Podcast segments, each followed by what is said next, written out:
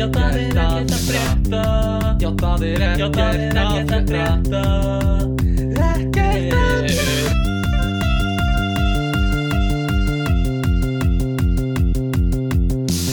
Já, sæll Baldur, þetta er þriðja skipti sem þú mættir seint í tíma hjá mér. Já. Áttu þér einhverja málspækju? Sorry ma Já, ég Ég er í hljómsveitanemndinni sko og við erum að stilla upp fyrir gig Já, þú ert hér í mentaskólanum í Reykjavík. Já, ég veit Námið hér á að ganga fyrir. Ég veit að námi á að ganga fyrir Ég er bara Það er allir að horfa á mig og býða eftir mér á göngunum og ég bara veit Þú þarf bara að fara í einhvern annan skóla ef að þetta er þitt viðhort til námsins. Nei, mamma var hérna og ég verði að klára sko Hvað, ég get, hvað sem er til að klára þú sjens, Æ, Við erum einn sjens. Það er gig í kvöld sko Já, það er ekki tími í kvöld, þannig að þú getur mætt. Það er, Er ekki, er ekki, er ekki kent í kvöld? Nei, Er ekki Ó, ég, kvöldtíminn fellir niður. já, ok, þetta þryggjara kerfi maður Það er alveg, það er búið eyðilegja alveg allir skólagönguna maður Já, ég, ég veit það. Ert þú líka svona leið? Ert Þetta eiginleikur líka mitt líf, ég þarf að vera að kenna á kvöldin. Uh, viltu koma á giggi mitt? Já, ég kem. Ok, alright uh, Hérna, velkomin í Velkomin í, í annan þátt af mentaseríun okkar.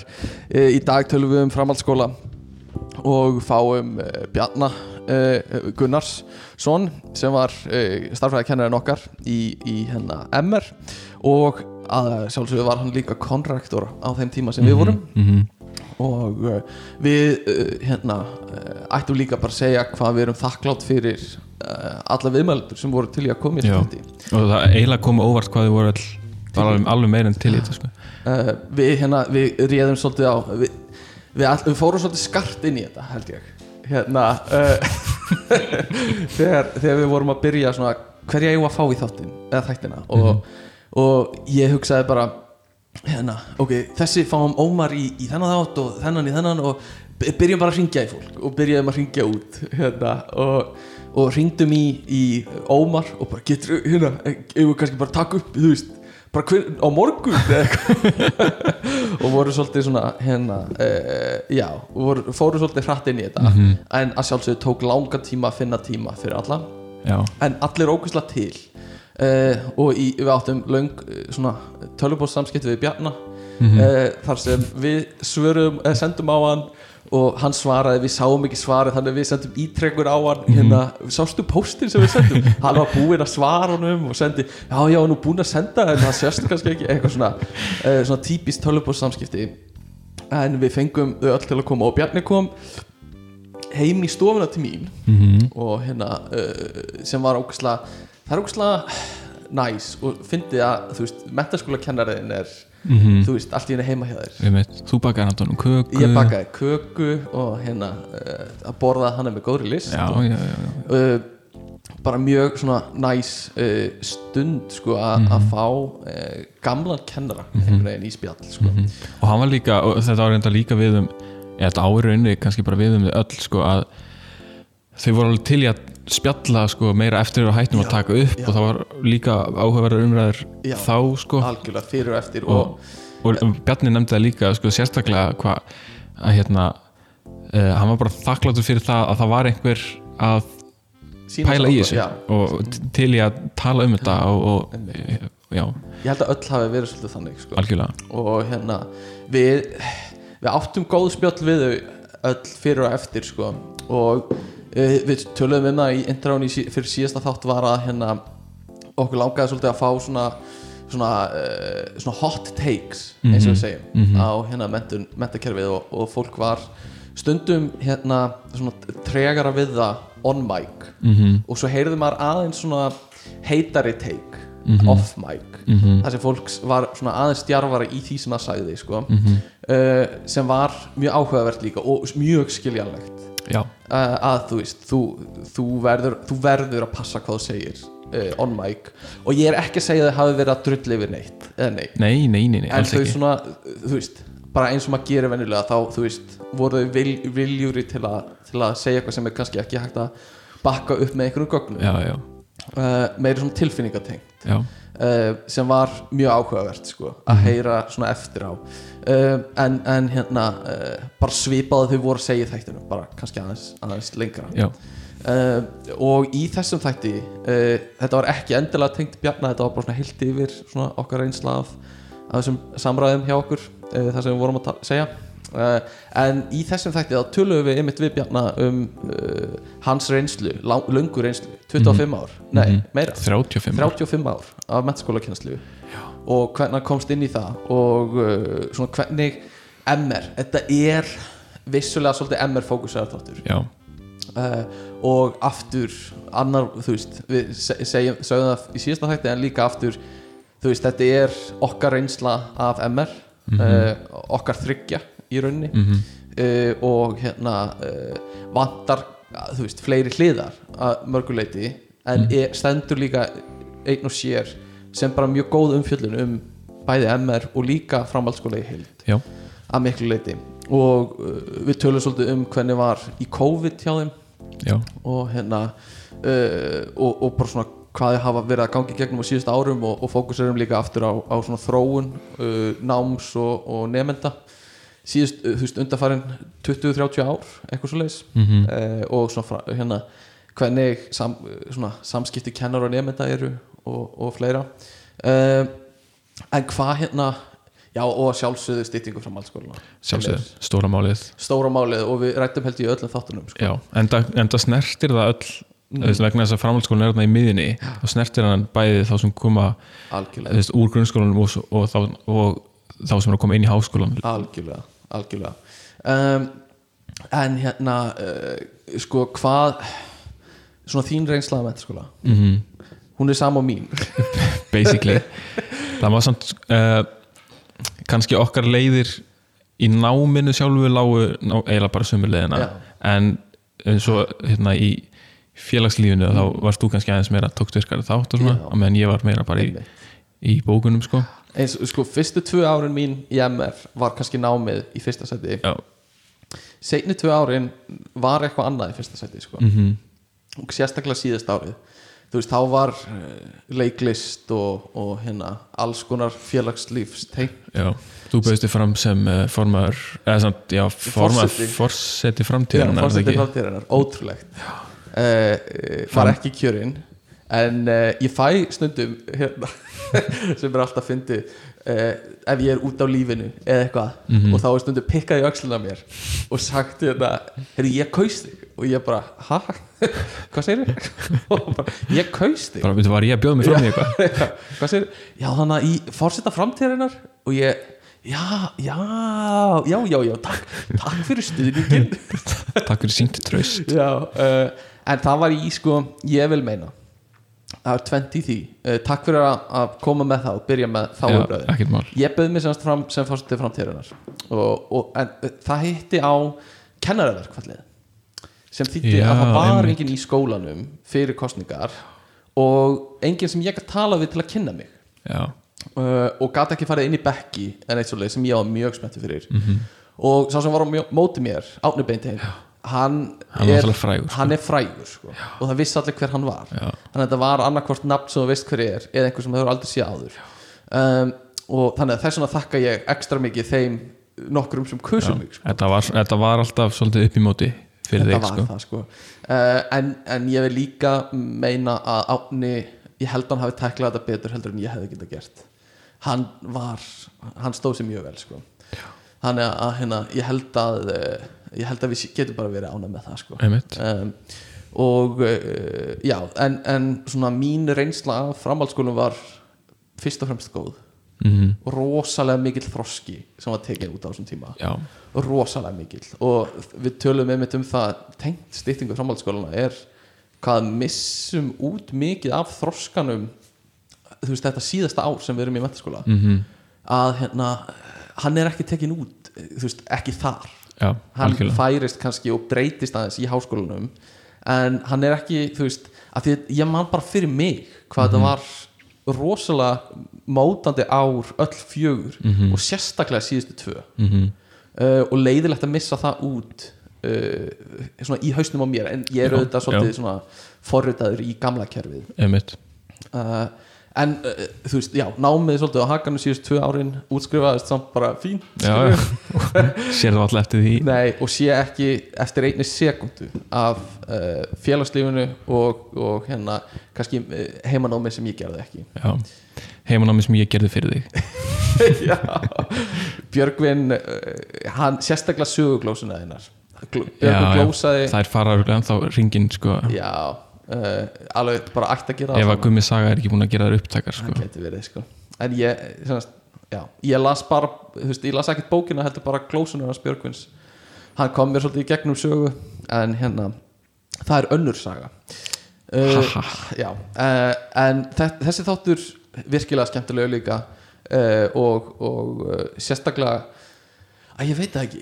Er, er hann sérstaklega skemmtilega fyrir okkur sem vorum í MR ekkert endilega. Kannski, ég veit ekki fólk tengi kannski eitthvað meira við hann en, en ég, ég, ég samt ekkert á því sko. ég held að umræðunar standi bara fyrir sínu og og kannski ættum við að taka fram að uh, í MR þá eru bekkarkerfin þá er fyrsta árið þriðji bekkur já, annað árið fjóruði bekkur fymti og sjötti bekkur þannig að þetta er ekki bekkur einn upp í fjögur heldur þrjú upp í sex. Mm uh, og við og tölum núna fjögur upp í sex. Já, núna fjögur upp í sex. Þannig að við í þess að þætti tölum um þriðja bekk sem fyrsta bekk. Já.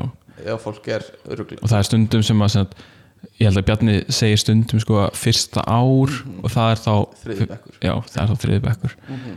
Einmitt. Og, og hérna konrektor er aðstóðarskóli Já, er einmitt. Og Bjarni var alltaf kallaður uh, Bjarni, konrektor þannig við þekkjum hann svolítið sem það sko. Mm, uh, og eins og allir bara kennarar í MR höfðu svona sitt viðnefni. Já, er það ekki bara þannig í öllum skólum? Já, eins og Guðmundur Saga eða Guðmi Saga. Mm ég stoppaði hann nú einu sinni á göngunum.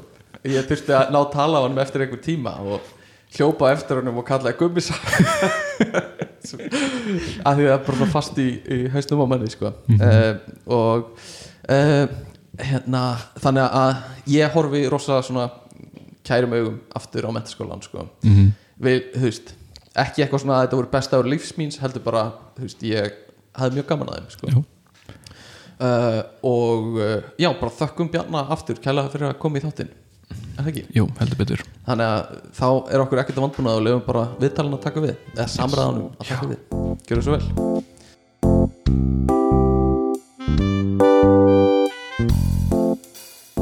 Til okkar er komin Bjarni Gunnarsson uh, kennari í metaskólanum í Reykjavík. Ekki bara kennari, hann er gamall kennari okkur Já, hann gammal kennari okkar. Hann kendi okkur, hann var svona þó hann hafi ekki verið umsjónakennari að þá í huga okkar þá var hann eitthvað umsjónakennari Já, ég er bara hygglust myndi segja það sko. Einhvern tímann þegar við heldum eitthvað svona fyrirparti fyrir ársáttíð þá man ég að, Bjarni var bóðið Bjarni og. Bjarni mætti galvaskur. Já, já, en ekki umsjónakennarin okkar svona er þetta. En það, ég, ég man alveg eftir í nokkrum sinnum að hafa hugsað hver var aftur umsjónakennarin Já, já, það var Bjarni. Var Bjarni. Nei, nei, nei, nei, það var ekki Það var ekki Bjarni. Einmitt. En hérna til að byrja með, bara til þess að kynnast Bjarna uh, við vorum að segja að þú værir kennari en getur þú sagt okkur svona aðeins nánar hvað þú kennir og, og kannski hver fyrirlin hefur verið Já, ég kenni starffræði og kendi ykkur starffræði með ágætum árangri held ég. Svona þokkalegum. uh, Ég byrja, ég fór í eftir stúdenspróf, ég er stúdent frá MR, þá fór ég í starffræði í, í háskólanum Háskóla Íslands og uh, laug þar BS gráði í starffræði og tók kjenslu uppeldisfræði að því ég hefði áhuga á að kenna og hafi nú kannski hugsað mér að fara eitthvað út til að bæta við en, en byrjaði að prófa að kenna, fekk að kenna þarna í MR haustið 1989 og síðan hef ég ekki hætt. Ok, þannig að þetta var bara snemma sem þú Já. hafði bara áhuga á kennslu? Já, það er svona, ég sáði alveg fyrir mér að, að gera það og þessum tíma þá þurfti bara BS Pro og svo kennslu uppeldisfræði til að fá kennsluréttindi. Mhm. það er búið aukað aðeins síðan En Eh, var, var þetta eh, eitthvað sem við aðra kennari í MR sem svona hyllaði þig að fara í þetta? Já, það var bara, ég veit það ekki ég, starffræði var mitt sterkasta fag og einhvern veginn langaði með að miðla því sko, og, og svona hafði áhuga því og, og, það, og, langaði að prófa það sko. ég er búin að vera að prófa það í 34 ár að vísu þá ég var í beðinum að verða konrektor hérna hösti 2001 og var það í 18 ár. Já, en ég tímdi nú aldrei að, að hætta að kenna, ég kendi alltaf að mestu ástu einum og stundum tveimur bekkjum með. Þó það væri býsna erfitt, þá gaf það líka tilbreyting og, einmitt. og það er svo margir kostir við það finnst mér að, að kenna þó maður sé stjórnandi. Já. Við Þá- munum, já, sorry, já. Já það er um, sko maður, við heldur sér í fæðinu maður, maður tengist nefndunum mikið betur og samstarfsfólkinu sko. Mhm. kennarum, að því maður er bara með þeim í liði og, og við þrjú sem vorum í stjórnunni á þessum árum við, við kendum öll alltaf eitthvað og mér fannst að gera skólabragnum mjög gott sko, og svona, það var meiri liðsheld á einhvern, einhvern hátt. Já, það er svona mín skoðun en, en svo skilum að það að það er ekki, þetta er ekkit allra að gera það og það er, það er mjög erfitt að gera þetta að maður þarf að hugsa um svo margar hluti sem stjórnandi og svo þarf maður að hlaupa í kjenslu allt í enn en það gætt líka að veri svona ég veit ekki, náðarstund að fá að komast í kjenslan það var eiginlega það skemmtilegt sem ég gerði að fá að hitta nefndur og fá að þeim af einhverju góðu í starfræðinni En, en, en var þá stjórnunarstafan væntalega bara fullt starf og hitt ofan á? Já, við munum eftir bara sem konrektor og kennara já, já, og Yngvi sem var rektor var líka alltaf að kenna já, já, Inga. einmitt. Þetta var bara svona þegar við vorum. Já, þetta var bara einhvern veginn einhvern veginn lenskan. Ég- sko ég ég fekk að aðeins að stjórna því, sko ég var ekki alveg í 100% hlutfalli sem uh, konrektor, ég var með minnur ég hafi verið í 90% uh, flest árin. Já. uh, til að hafa hérna eitthvað smá svirum, þannig að það hafi já, hafi meira svirum til að sinna Einmitt. kjenslunni með. Ok, einmitt. einmitt.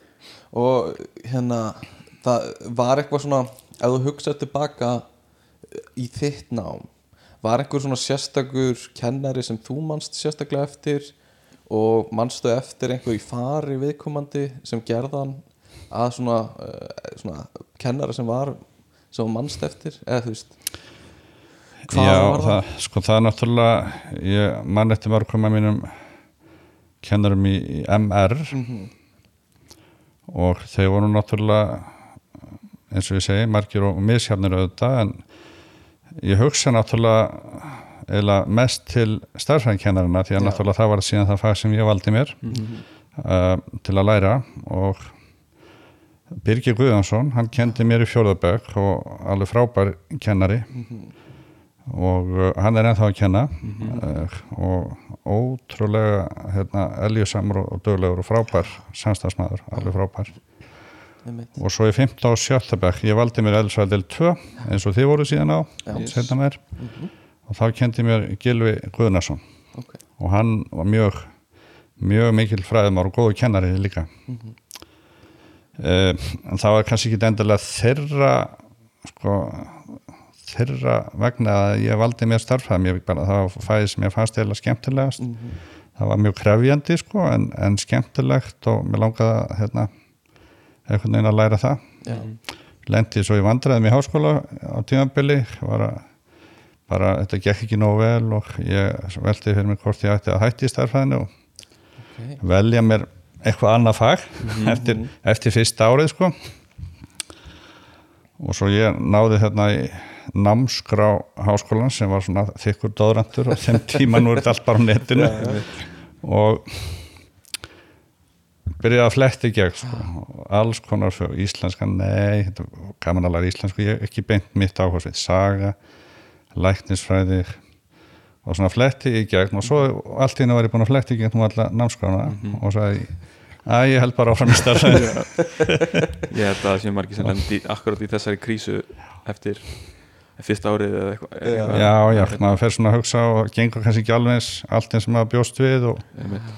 En ég sé ekki eftir því, ég kláraði sem sem BS og tók svo kjenslu á uppbyldusfæðin og, og fór í kjenslu sem ég þykir skemmtileg. Já, hún er samt krefendi og, en, og alltaf svona eitthvað eitthva nýtt sem maður þarf að fá stuðið því að það er engin bekkur eins og neitt annar bekkur. Það er alltaf svona alltaf eitthvað nýtt sem kemur sem maður þarf að klíma við og, en það er skemmtilegt. Já, En svo fórstu í námsleifi fyrir nokkrum árum. Já, Og- tí, tíu árum eitthvað og var, varstu þá að bæta við þig meiri starffræði? eða? Eh, ég, ég ákvað að bæta ekki við mig. Ég, ég ákvað frekar að reyna að, rifja, að fara í fög í háskólanum sem að ég var búin að taka svona kannski að hluta eða einhver skildfög eh, svo að kannski geti bara gagnast mér í kennslunni. Einmitt.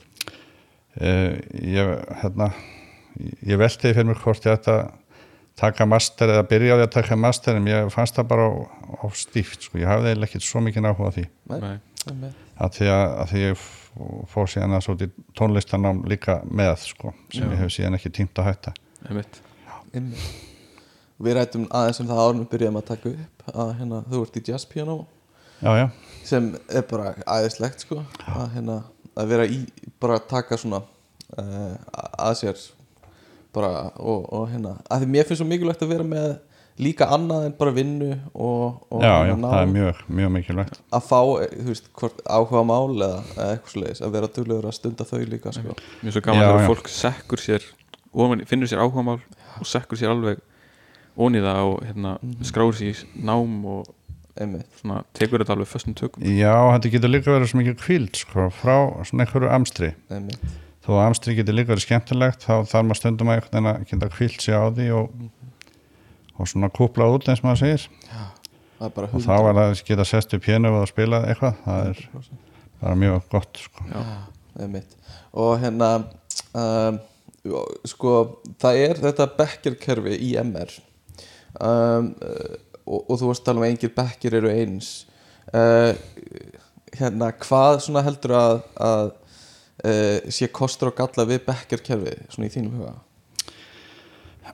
Sko, maður getur borið saman bekkikerfi og áfangakerfi og sko, ég held að bæði kerfin hafi sína kosti og það er held ég bara einstaklisbundi uh, hvort að annað kerfi hendar einhverjum tilteknum einstaklingi betur eða verð Já. en uh, ég held að bekkikerfi sko, það hefur svolítið látið undan síga það er, er ekki víða lengur í. Nei. og uh, ég veit ekki hvort að það væri gott að það væri sko í fleiri skólum um, Mhm. en allavega við höfum viljað halda því hjá okkur að því við sjáum alveg kostina við það um, það að, að nefndur komið saman og eru svona mynda eina held og eru saman í öllum tímum. Það getur skapað mjög hvaða held og uh, sem að rofnar hins vegar í áfangarkerfinu þá er, er, er maður með einhvern tilteknum hópi í einum fæi og svo fer maður einhvern annan hópi í næsta fæi og mann kannski næri ekki endilega að mynda einmitt. eh, eins góð tengsl. Og þannig skapast oft mjög góð stemming og, og vinabönd jafnvel sem að endast ævilangt gegnum þetta svona bekkja kerfið einmitt. En svo getur það líka gerst að fólk uh, verði eitthvað neginn það sem betur fyrir ekki algengt held ég. En það getur lengt eitthvað neginn utanveltu í, í bekk. Já. en þá er oft þetta flytja mann á milli bekkja og, og það hefur eh, þá yfirleitt gengið þokkalega. Og svo, svo hefur mér fundist sko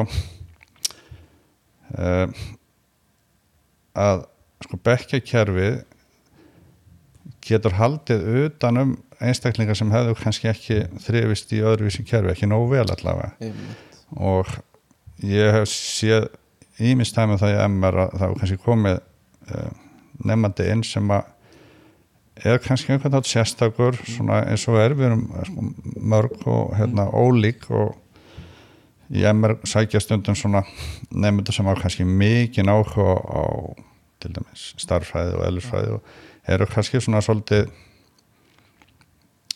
já kannski með einhvers konar einhverfu en, en þrýfast mm. öðrleiti vel en er kannski erfitt með að mynda félagslega tengsl, það eru dæmið það Já.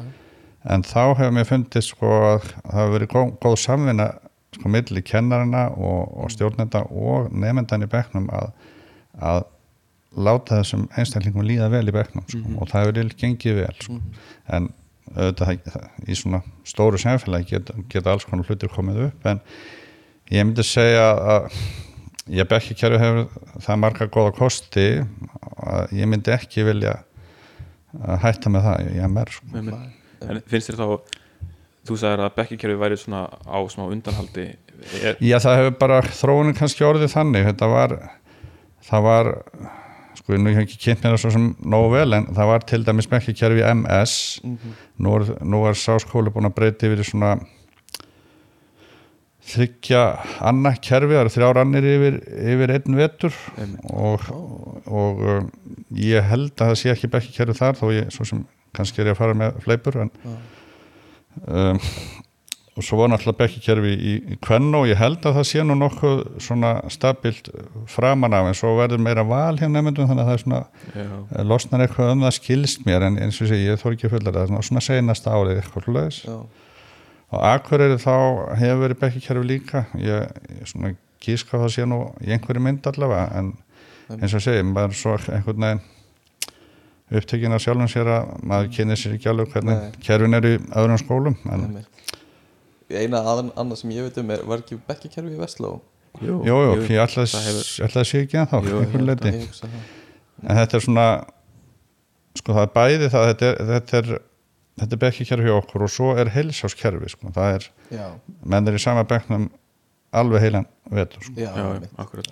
og síðan og síðan velja menn eftir fyrsta ári þá velja menn uh, delt til að fara á.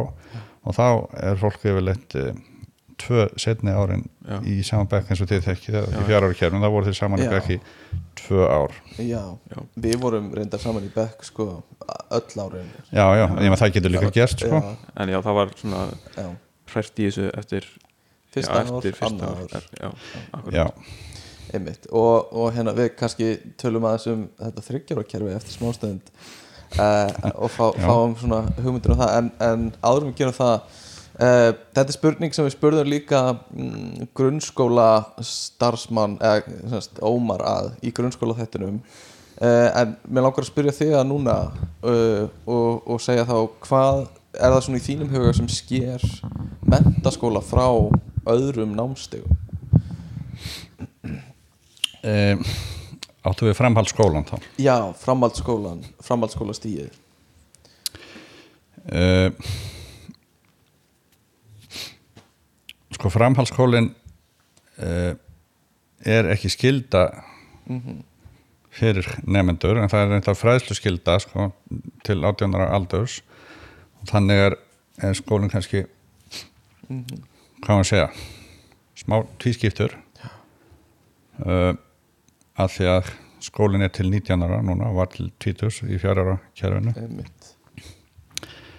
En hvað, Eh, ég- fræðslu skildan? Já, ég held að sé, sé, ég held að yfirvöldum beri skilda til að, að hérna, fr- uppfræða Já, fólk til 18 ára aldurs. ok, einmitt Það var ekki þannig, ég held að það hefði verið hækka, sko. Það var bara til 16 ára aldurs, uh, en það er alltaf er engin neittur til þess held ég. Eh, Ég bara hef ekki, sko, fylgst nógu vel með þessum málum akkurat.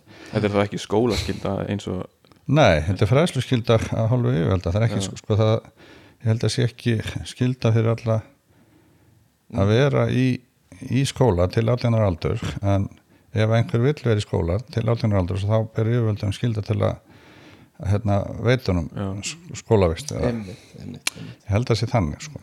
ok. Eh, En ef þetta er, hérna, ef þetta er ekki alveg rétt, þá er þið bara þurrkaðið út af við þannig.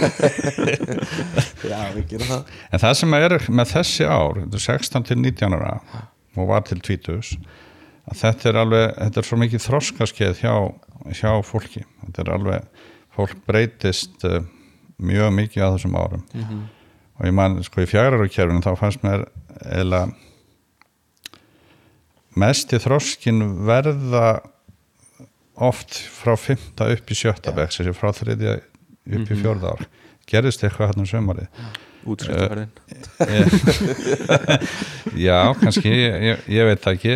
Núna, núna náttúrulega kláraði ári fyrir en mér finnst samt oft að verði það verður einhver breyting uh, frá sem sé næst síða til síðasta næst síðasta til síðasta ársins. Og um, ekki endalega öllum það er svona, það er aðeins meiri uh, já, það er svona hvað var að segja, áskorun eða að, að, að kenna fólki að þau vorum að kenna þeim oft hluti sem við kendum þeim þegar þeir voru orðin aðeins þroskari svo er maður að reyna að kenna þeim einhverja snúna hluti í starfræðinu og þau eru ári yngri. Það er svona já, það getur verið svona pínlítið snúi en, en gengur samt yfir leitt bara nokkuð vel. Þannig að þessi þroski sem fólk tekur út bara á þessi eina ári hann skiptir máli. Hann getur skipt máli, ég man eftir sko, sérstaklega gamla kerfinu og þá man eftir einu bekk sem að ég var í endalösu strákli með í fymtabekk uh,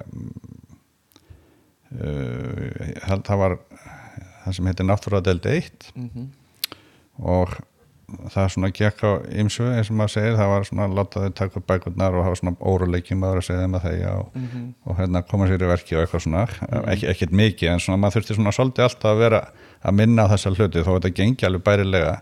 Svo klárast sá uh, bekkur og það, það voru einhverjir í vandræðum í starfræðinu og þeir fóru yfir í náttúrulega del 2 einhverju þeirra og, og einhver hætti og svona.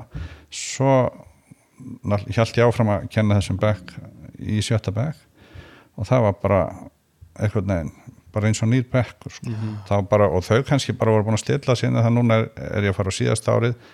Nú þarf ég að fara Takk þetta fyrst já, taka þetta fastar tökum og, og sinna þessu betur eitthvað svo leið, ég veit ekki, einhver þroski sem kom þannig þetta er svona byrstist stundum svona. Já, við hérna uh, það var talað um í MR þegar við vorum að, að náttúrufræði 1 er svona litla læknumfræðadeildin sko. já, já, stundum kallir það. Og ég man eftir í sérstaklega hjá okkur að, að hérna á einmitt í Sjötabæk þá voru bara margir þar bara hugsaðu bara ég þarf að fara að taka mig saman í andlutinu að því ég er að fara í læknisfræði og byrjaði þá bara í einmitt og bara hættu svolítið að, að sinna félagslífinu og fóru bara miklu meira í með þá inntökuprófið í huga. Með inntökuprófið í huga sko, sem var mjög áhugavert að fylgjast með því sko. já, já. en þá líka skiptuðu mitt einhverju bara yfir á náttúrufræði 2 og það sem meira val og, og hérna höfðu meira gaman já, já. nei, ég, já, ég veit ekki. En um, hvernig finnst þér uh, uh, yfir, þú varst talað með að byrja að kenna 1989 Já. og hefur verið að kenna hérna upp til bara fram til dagsins í dag. Varst að fara yfir prófin, býst ég við bara fyrir nokkrum vikum eða dögum? Klára það? Já, já, það er heilmikil törn er sko, við erum, bæði, við erum með munlega próf og, og sem eru nú eiginlega eru ekki mjög við allavega, ég held að sé hverki annars þar á framhalskólastíðinu nema hjá okkur í, í starffræðinni já, einmitt. Uh, og það er, ég var með sinns ég að prófa munlega í fimmtabæk og var pródómari í öðrum fimmtabæk og það var í náttúrufræði deild 1 og svo var ég með sjöttabæk í náttúrufræði deild 1 munlega líka það sem kom pródómari úr háskólanum og svo auðvitað öll skriflegu prófin líka sem eru með. Einmitt, einmitt. Já, já. þannig að hérna eh, þú, já, þú hefur verið að kenna hérna bara í þessi ár 30 ár eða eitthvað sluðis hvernig eh, svona upplifir þú upplifir einhverja hugafarsbreytingar nefnda til náms á þessum tíma hugafarsbreytingar til skólans og til kennara? Ég myndi nú ég held, að, já, ég held að sé nú kannski ekki mikil hugafarsbreyting sko, til náms. Nei. en það er eitthvað í umhverfinu sem að hefur áhrif sko núna s- finnst mér síðustu ár. Náttúrulega COVID-tímin hafði uh, og hefur enn miklar afleggingar í skólakerfinu uh, af því að sko maður hefur á tilfinningunum veit maður svo sem ekki fyrir víst og það er eflust misjátt en maður hefur á tilfinninguna að, að nefnendur nefnendum hafa verið svona lift svolítið upp í gegnum grunnskólan mm, að þetta var svo erfið tími Já. og maður skilur það mjög vel. Já, uh, en þá getur það kannski hafa haft þær afleðingar að fólki finnst eins og það er rétt á því að komast á milli ára að þess að gera kannski endilega rosalega mikið sko. Já. já, það er kannski uh, ár, ein áhrif sko svo er það sem ég hef orðið mest var við eða á öllum þessum árum. Þetta, það eru snjallsímarnir einmitt. uh, sem hafa áhrif á skólastar ég er kannski ekki beint að svara þinni spurningum með Nei, bara þetta en góðu. að koma inn á það. Uh, sko ég var að kenna einu sjöttabæk þessi síðast ári og svo einu fymtabæk og einu fjórðabæk í sjöttabæknu var símanótkunni eða ekki vandamál. Allavega kunnu nefndur að umgangast, þá þannig að það var ekki vandamál og þeir, hérna, það tröflaði eða aldrei ég þurfti kannski tvisessin við veturinn að byggja einhvern um að leggja frá sér síman sem ég reyna, ég reyna ég vilt aldrei að tala um þetta því mér finnst það bara, ég nenni ekki sko. og þá ekki að vera vesen sko. en í neðri bekkjunum tveimur þarna, fjóruðabekk og fimmtabekk þá uh, voru nefnda sem að gátu eiginlega ekki bara sleft símanum í, í fimm minútur sko. einstak, bara eitt er náttúrulega ekki margi sko. En og nú er sinns ég að koma upp í framhaldsskólan kynslu sem þekkir ekkit annað en snjálsíma sko.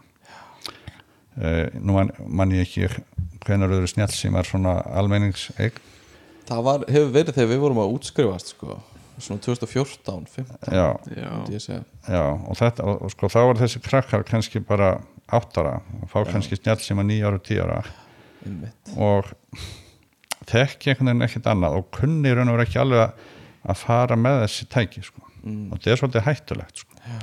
hann Haraldur hérna Þorleifsson Já, uh, ramparinn hann eh, var í viðtali einhver staðar og sagði að hann að dóttir hans var ætti ekki farsíma já, og sá sem hann tók viðtali við hann uh, spurði hvers vegna ekki?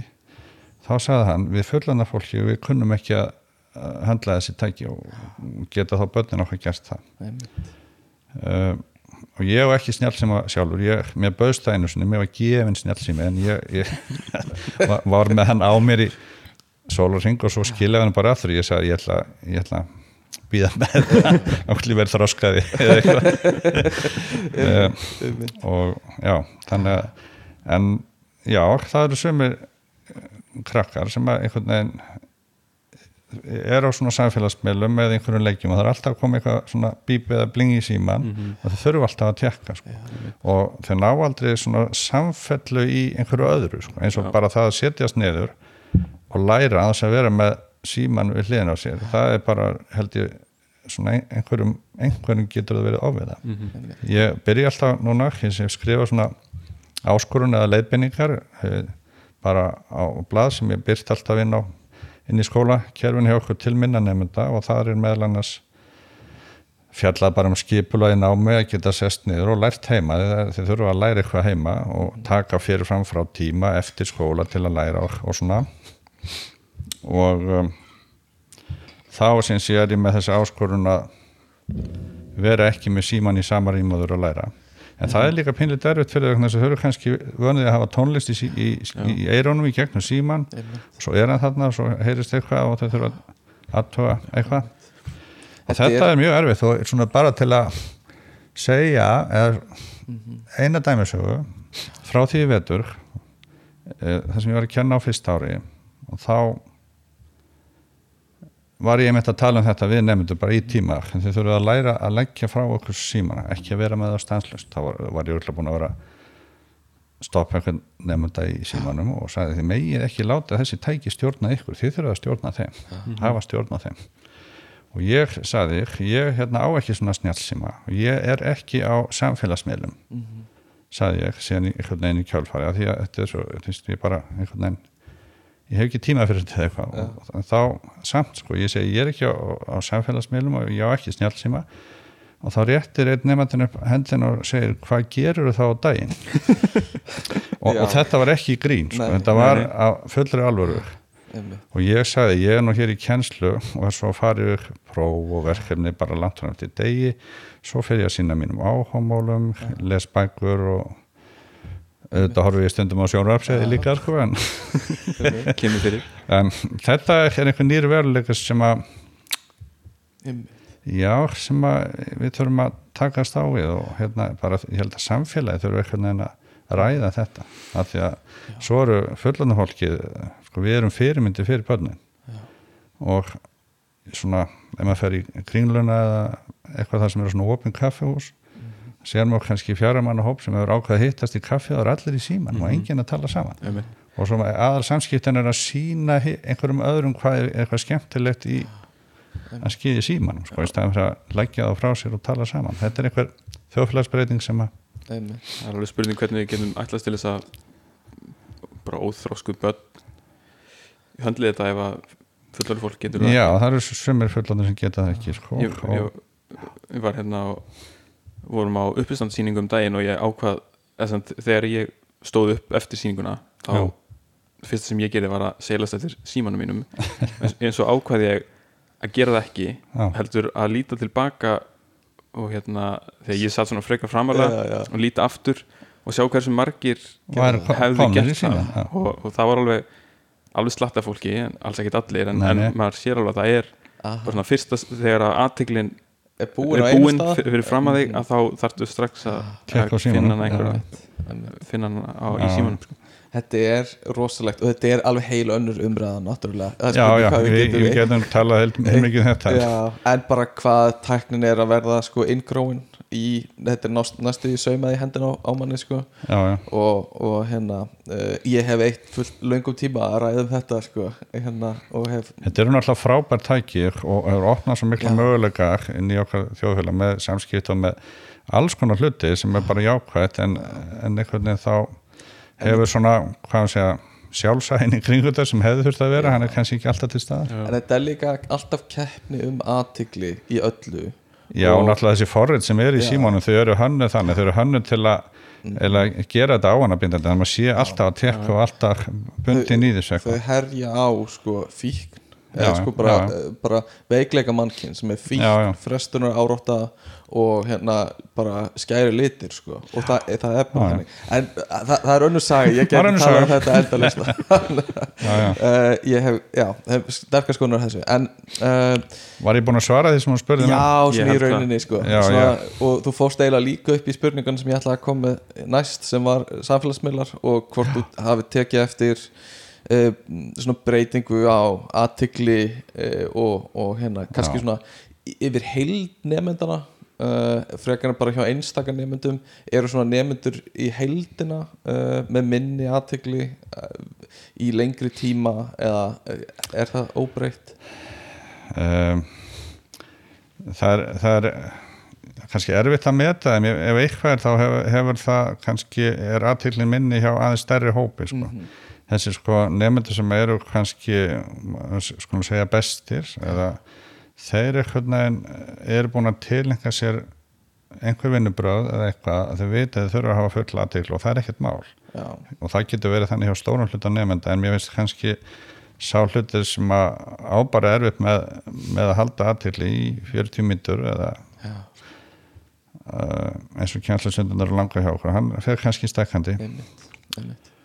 ok, það er uh, svolítið áhugavert finnst mér sko. En, en við erum svo sem ekki, maður er ekki mælt þetta og ekki tekið þetta út sko. þetta er svona, svona tilfinninga hérna, basis. já, var að hugsa um að gera svona í þessu sambandi þá að því að þá hafði með stöttum millibili komið upp eitthvað svona síma, síma vesen í tíma sem ég þurfti eitthvað að lesa einhverjum svona pistilin eða bara benda á. Ég nenni nú ég ekki að skamma fólk en bara segi bara að fólk þurfa að aga sig til þess að sleppa tækjunum sko. þá langaði mig til að vera með könnun og bjór, útbjóð könnun þar sem ég bað fólk að skrifa sko reyna að mæla í eina viku hvaða væri mikið í símanum sko, á hverjum degi sko. og hérna sagði skilið mér þessu eftir viku bara í pósthólum mitt, bara nafnlaust og allt sko. ég fekk bara örf á eindök sko, tilbaka. Ég, ég, sko, ég gekk ekki á eftir því. Og þetta var ekki rafrænt sem það kannski bara þurft að vera þau geta svarað í símanum. En eh, ég vildi hafa þetta alveg nafnlaust og getur skilað þessu og það voru bara örfáður sem að ég setti þetta nú ekki fyrir sjöttabekkin minn en inn fyrir neðri tóbekkina fekk bara nokkur eintök tilbaka þannig að ég, ég gæti ekki sko skoða eitthvað munstur endilega sko. nei, en fin- finnst þér en, eh, en ég reyndar fekk hérna mjög fljótlag frá einum nefnda sem ég mann eftir sem að skilaði bara, hann fylgti þetta bara út á staðnum og rétti mig það bara fimm myndum setna sko. ok, og þar las ég og þá hvort ég var líka að spyrja um hvað þau sem sé verða miklum tíma í heimanámi sko, til samanburða sko, og svo áttu að leggja saman yfir vikun og eitthvað og það, þessi nefnandi var með alveg óhærilegan tíma í skjáttíma. Einmitt og, uh, og ég förðaði mig á þessu vegna þess að uh, þessu nefnandi gekk alveg ágætlega. Hún gekk ágætlega í allan vetur en núna í vor, þá lenda hann í vandræðum sko. Já. og ég veit ekki hvort það var út af þessu ég er svona alltaf fór að hugsa um það hvort að mikil skjánótkun þarna sé farin að áhrif til langstíma Já, að hann hafi bara ekki haft fókusin til að lesa fyrir vorprófin sem að reyna svolítið á. Já. ég veit ekki sko, þetta er svona vanga veldur bara það er spurning sko. Uh, en uh, svona samskipti nefnda við kennara er það eitthvað sem hefur breyst? Svona hvernig er talað við kennara? Hvernig er svona hérna uh, litið á kennara? Hvernig svona bara samskiptin fara fram? Er einhver svona Eh. finnur fyrir sem er að breytast þar Já sko, náttúrulega þegar ég var sjálfur í, í metaskóla þá var borin alveg óskaplega virðing fyrir kennurum Já. en kennarar sem er komast líka upp með ótrúlegustu hluti sko. uh, framferði gagvart nefndur sem ekki myndi líðast og sem betur fyrir hefur það minka mikið og ég vil horfið alveg sem betur fyrir því að, að uh, það kom alveg fyrir að, að kennarar væru að leggja nefndur í einelti eða, eða, eða með mikla ósangirni gagvart einstökum nefndum og einhvern veginn var það var ekki, menn verður bara að láta þetta yfir sig ganga sko.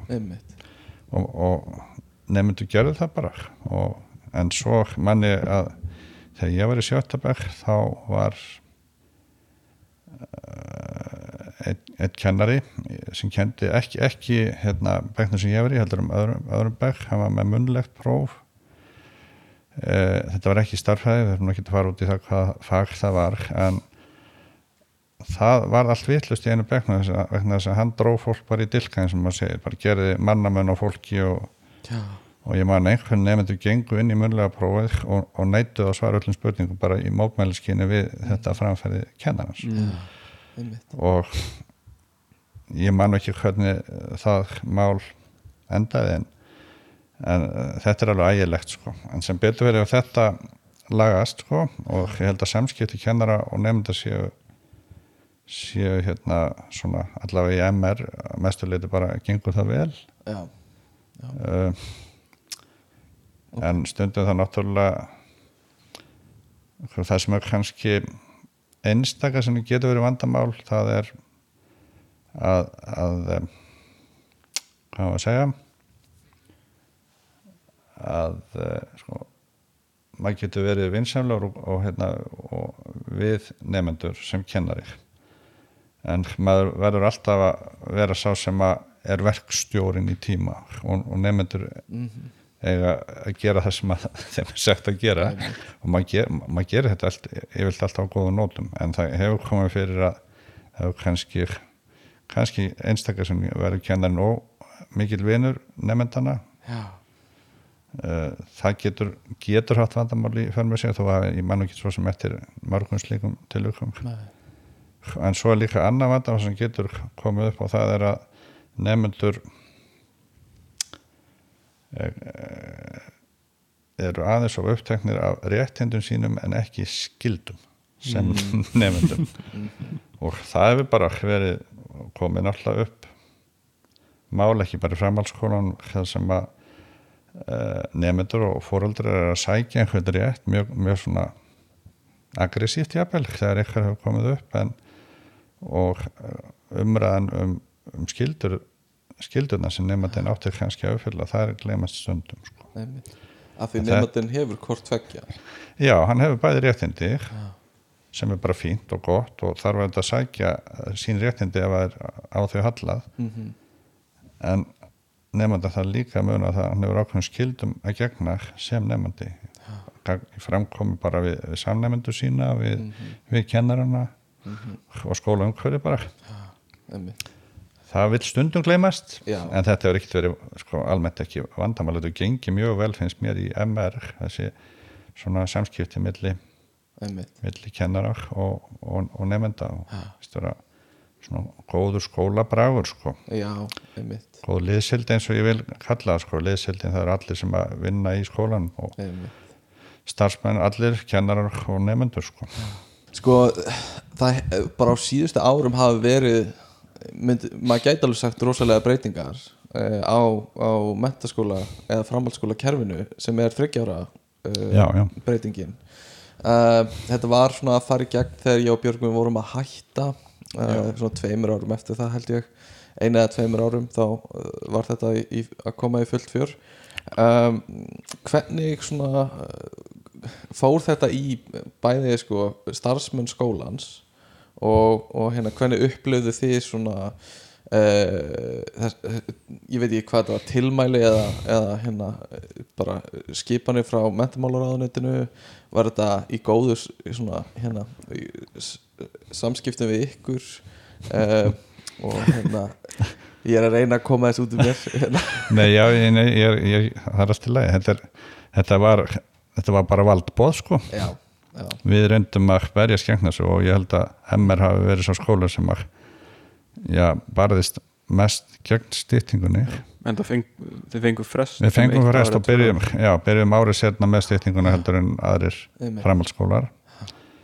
Uh, og hvernig upplöfuðu þið þessar breytingar er, hvaða afleggingar hefur þetta hvaða en sko við náttúrulega við bentum á það að það væri kannski mörguleiti skynsanlegt að stýtta frekar grunnskólan Mhm. uh, vegna þess að grunnskólinn hefur í raun og veru lengst um heilt skólaár en maður telur vikurnar sko. Já.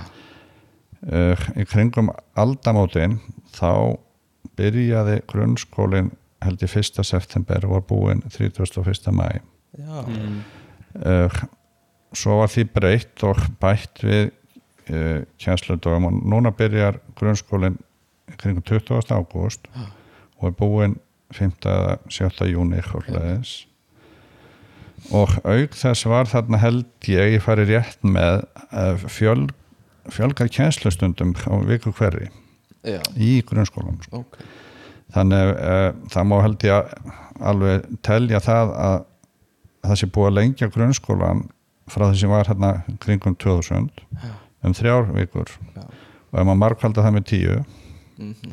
eitt, þessi fyrir öll tíu ára þá er maður með þrjá tíu kjenslöku sem búið að bæta við grunnskólan Einmitt. einmitt uh, og það er alveg hægt að spyrja sem má þá ekki stitta grunnskólan og þá náttúrulega komið þessi raukamóti en þá eru nefndunni svolítið ungi þegar við fara úr grunnskólanum ári, ári yngri. Mhm. um, en sko það sem hefur verið svona ég vandamál í sömum námsgreinum og þá vil ég helst kannski nefna sem dæmi eðlisfræði. Að það er ekki það er svo erfitt að fá eðlisfræði kennara það er erfitt fyrir okkur í MR að fá eðlisfræði kennara þegar, losna staða. Þá bara er erfitt að, að koma kannski fáar umsóknir og Mhm. og þetta er líka erfitt í, í grunnskólum að fá sem sem kennar í einstaklega greina sem maður kannski, hafa mentun til að kenna það sem á að kenna og maður veit það og maður sér það bara þegar nefndu koma til okkar að hafa, hafa bara veit ekkert hvað eðlisvæði er áður fyrir var þá alltaf einhver eðlisvæði kjensla í skólum, það er minkað með mikið. Hún er náttúrulega auðvitað í sömum skólum en ekki öllum. Mm. og þetta er kannski einhver vandi um, og síðan þegar við styttingunar þá var talað um það að það ætti að flytja niður í grunnskólan grunnáfanga í fjórum námsgreinum. Já, þá ætti að vera hluti að styttingun að færa það niður. Það var í íslensku, ennsku, dönsku og stærfræði heima rétt. Mhm. en, en þetta var gert svo snögglega grunnskólinn var auðvitað ekki tilbúin fyrir þetta og hafði ekki endilega í öllum tilíkum endilega mannaflega til að taka við þessu. Og svona mín tilfinningu svo að þessi tilfæsla hafi ekki tekist nema kannski í sömum skólum en í öðrum ekki. Og þetta veldur alls konar vanda. Við voruðum við þessu meðal annars bentum á þá lausna stýttasins í grunnskólan í staði fyrir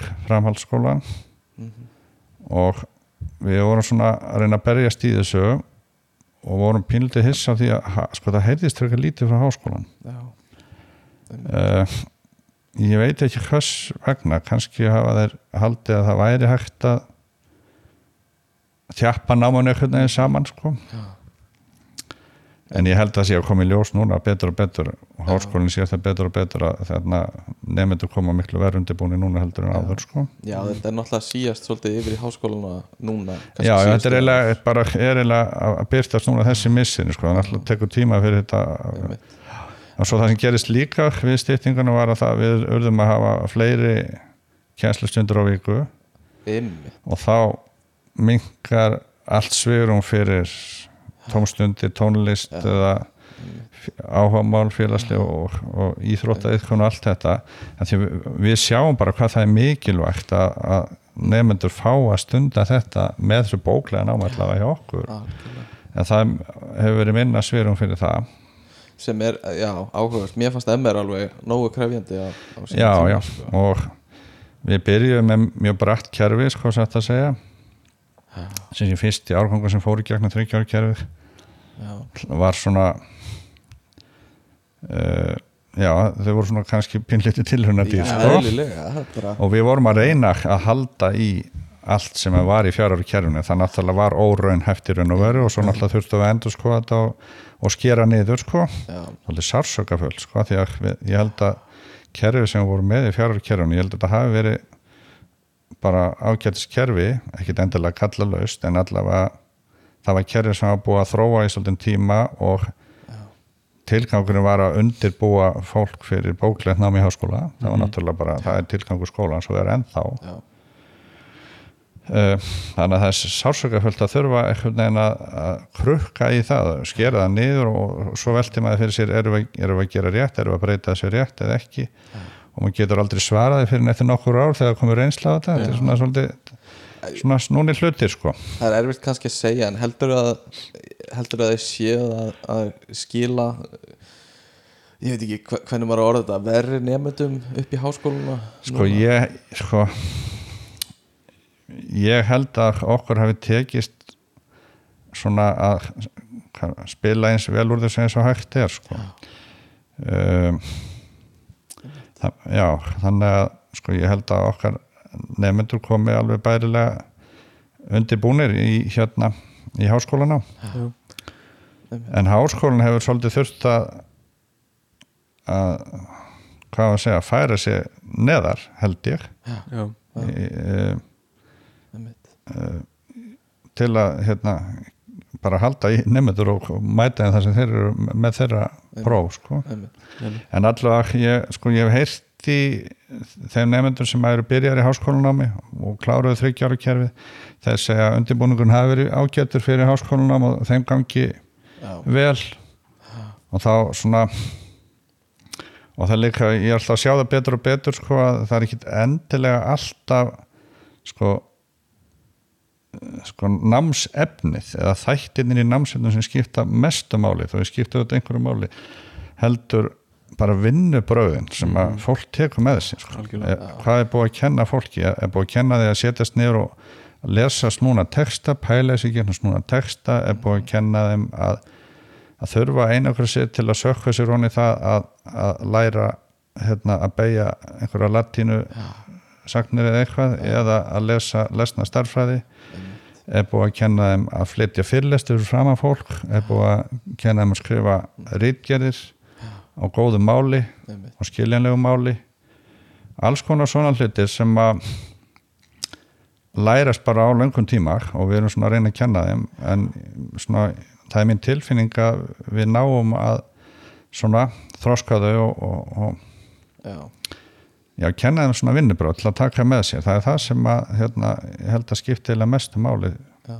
Einmitt. fyrir framhaldi sko. en líður eins og að nefndunir séu sáttir með þrjú ár að, að loknum þremur árum finnst þér stemningin vera þannig að þeir hugsi ég hefði vilja vera einn eitt ári viðbót eða eða þetta er nóg Ég, það hefur einhvern veginn ekkert komið til tals sko, ég er náttúrulega að spjalla heilmikið við nefnendur og, og líka hérna fyrirvinnandi nefnendur sem komnir í háskólan Já. og þetta hefur einhvern veginn ekki voruð á góma Nei.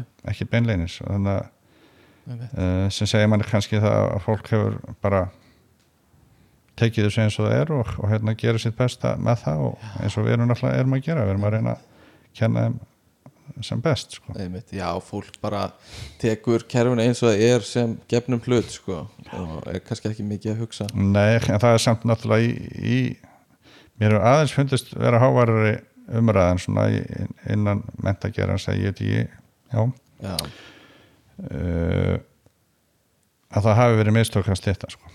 er það? Já, já, svona að, já, mér svona uh, aðeins í vetur heyrði, heyrði einhverja vangaveltur eða svona um það. Þetta hafi ekki hefnast nógu vel nei, allavega. Einmitt. Mér heyrist það á, Ómar var svolítið á því líka að tala, talandi um mist, tala um mistök og eitthvað svona. Mm -hmm. aðeins ég muni nákvæmlega hvað hann sagði en hérna, mér finnst þú veist, við erum hérna við komum úr MR og við vorum alltaf að ég og Björgvin held ég að þetta væri neikvægt og eitthvað svona. Þannig að þetta er rosa einhliða hérna samtal um, um hérna hvað hvað á að gera í þessu og hvað hérna eh, um að fjóra ára kerfi hefði verið betra og eitthvað svona. Uh, ég vil bara hafa það á hreina þú veist, við erum allir á mjög svipari blaðsíð með þetta. Já, og ég- það, það væri kannski heilbreytt að fá uh, rödd úr annari átt í þessa umræðu. Fólk verður bara hringin í þáttin Já, fólk verður bara við opnum bara síma núna og, og ef engin hringir þá er allir bara Já, mjög sammála okkur. Eh, það er yfirleitt þannig sko. uh, en, en hérna þannig að uh, já, að heyra um fjár ára kerfið uh, og þetta er allt, allt rosa neikvægt og allt hérna, eh, heimur vestandi fer og eitthvað svona en hérna en ef við- það er svolítið djúft í árunum tekið Já, að sé allt já, neikvæð sko. já. það er náttúrulega fólk útskrifast ári fyrr Já. og þá er sko, og ég sé alveg dæmi um fólk sem að mér er að kláraði átjánara því það kláraði grunnskólan einu ári fyrr og kláraði svo á þreymar árum, búin átjánara og fer svo í háskóla og kannski búið með fyrstu háskóla gráðu 21 árs eða fyrir beint í háskólan það er, og, og uh, það er bara mjög jákvæmt ef það gengur upp og hérna maður gleðst yfir því. Þannig að þá skilar þessi stytting einhverjum, þessi hópur er kannski ekki dvoðalega stór og ég hef ekki aðtuga það en það alveg, mætti alveg skoða það uh, að bera saman hversu stór hluti stúdenta á hverju ári tekur sér að minnstakosti ásleifi frá námi eftir þryggjara námi samanborið við fjárara námið. Hvort það er stærri hópur, ég, ég hugsa að það sé það en ég, svo sem ég hef ekki aðtöða verið. En eh, bara svona eh, til að reyna að fá líka svona meira jákvætt Æ, ég veit ekki, kannski verður hann jákvætt.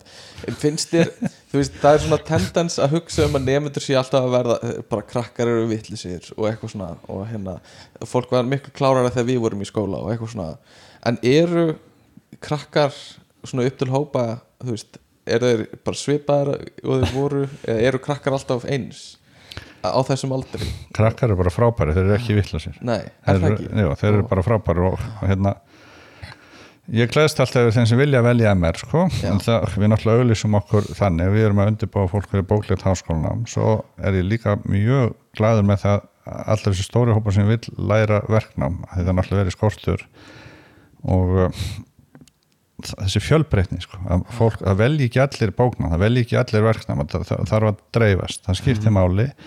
En þegar ég horfi á þennan hóp sem kemur til okkar og hefur áhuga í á bóknámi þá þá bara gleðst ég við því en, en svo þetta fólk kemur með eitthvað sögu með sér úr grunnskólanum og líka kannski ósýnilega sögu um, um bara úr sínu lífi sem maður veit, fólk er svo misjátt og maður þarf alltaf að fara varlega þegar maður tekur við einhverjum hópi fólks. Að því að það hefur svo fjölbreyttara einslu jákvæða og, og kannski neikvæða einhvern hátt. En þetta eru manneskjur og, hérna það eru forhind að fá að, að hérna, leiðbenna þessum krökkum og hvað var að segja, koma með einhvern, einhvern hátt til manns. Það getur verið mjög snúið verkefni og sérstaklega ef hópurinn er það er mjög snúið í upphafi kannski á fyrsta ári þegar krakkarnir koma mörgum skólum. Er með mjög misjafnan undirbúning úr skólunum. Já, finnið þið fyrir A, því? já, já, það er, er um, til dæmis er eitthvað efni sem að, að því að sömulir eru sko búin að taka kannski einni að tvo framhaldsskóla áfanga Já.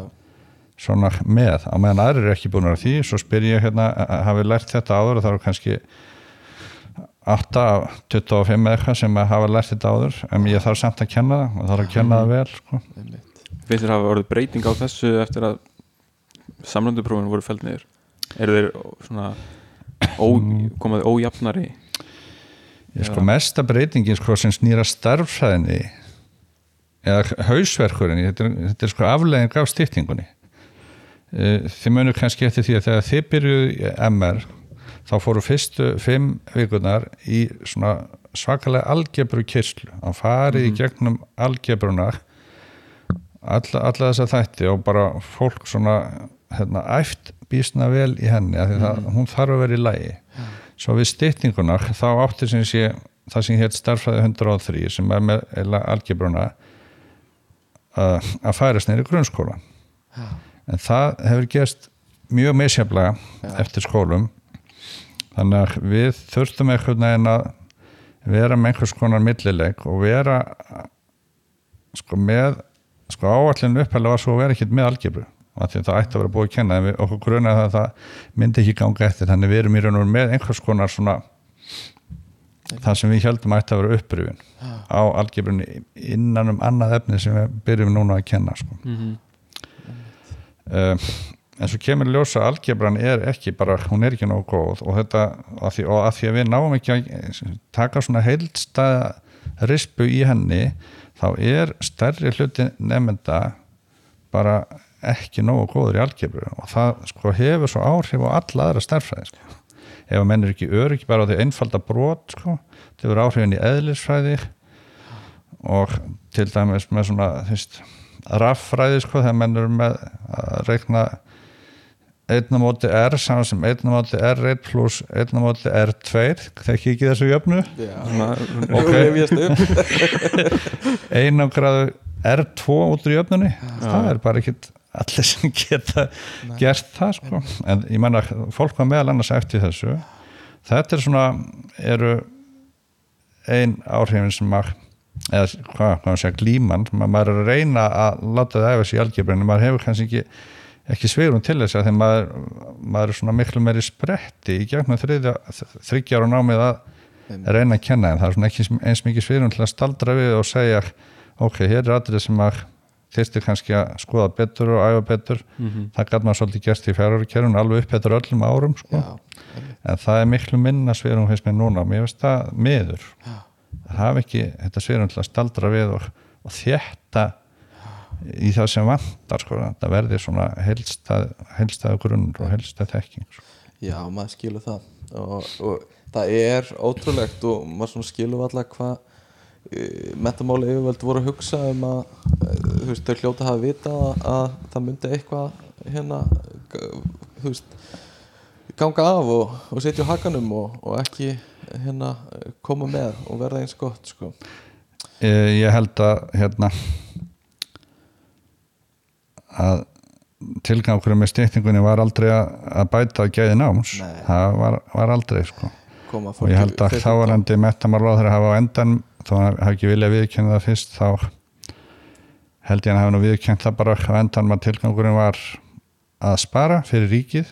Og það var líka ástæðan fyrir að komast, komst aldrei á dagskráfa að ræða hvort það var sniður að stytta grunnskólan en það er hann að forræði sveitafélagan og það hefði þá Já, sparað sveitafélaganum eitthvað en ríkið vildi spara fyrir ríkið sko. Já. og þess vegna var bara að tala um framhaldsskólan það er ekki þetta er svona það sem að hann er sínist hafa verið það er maður að lesa á milli línana kannski.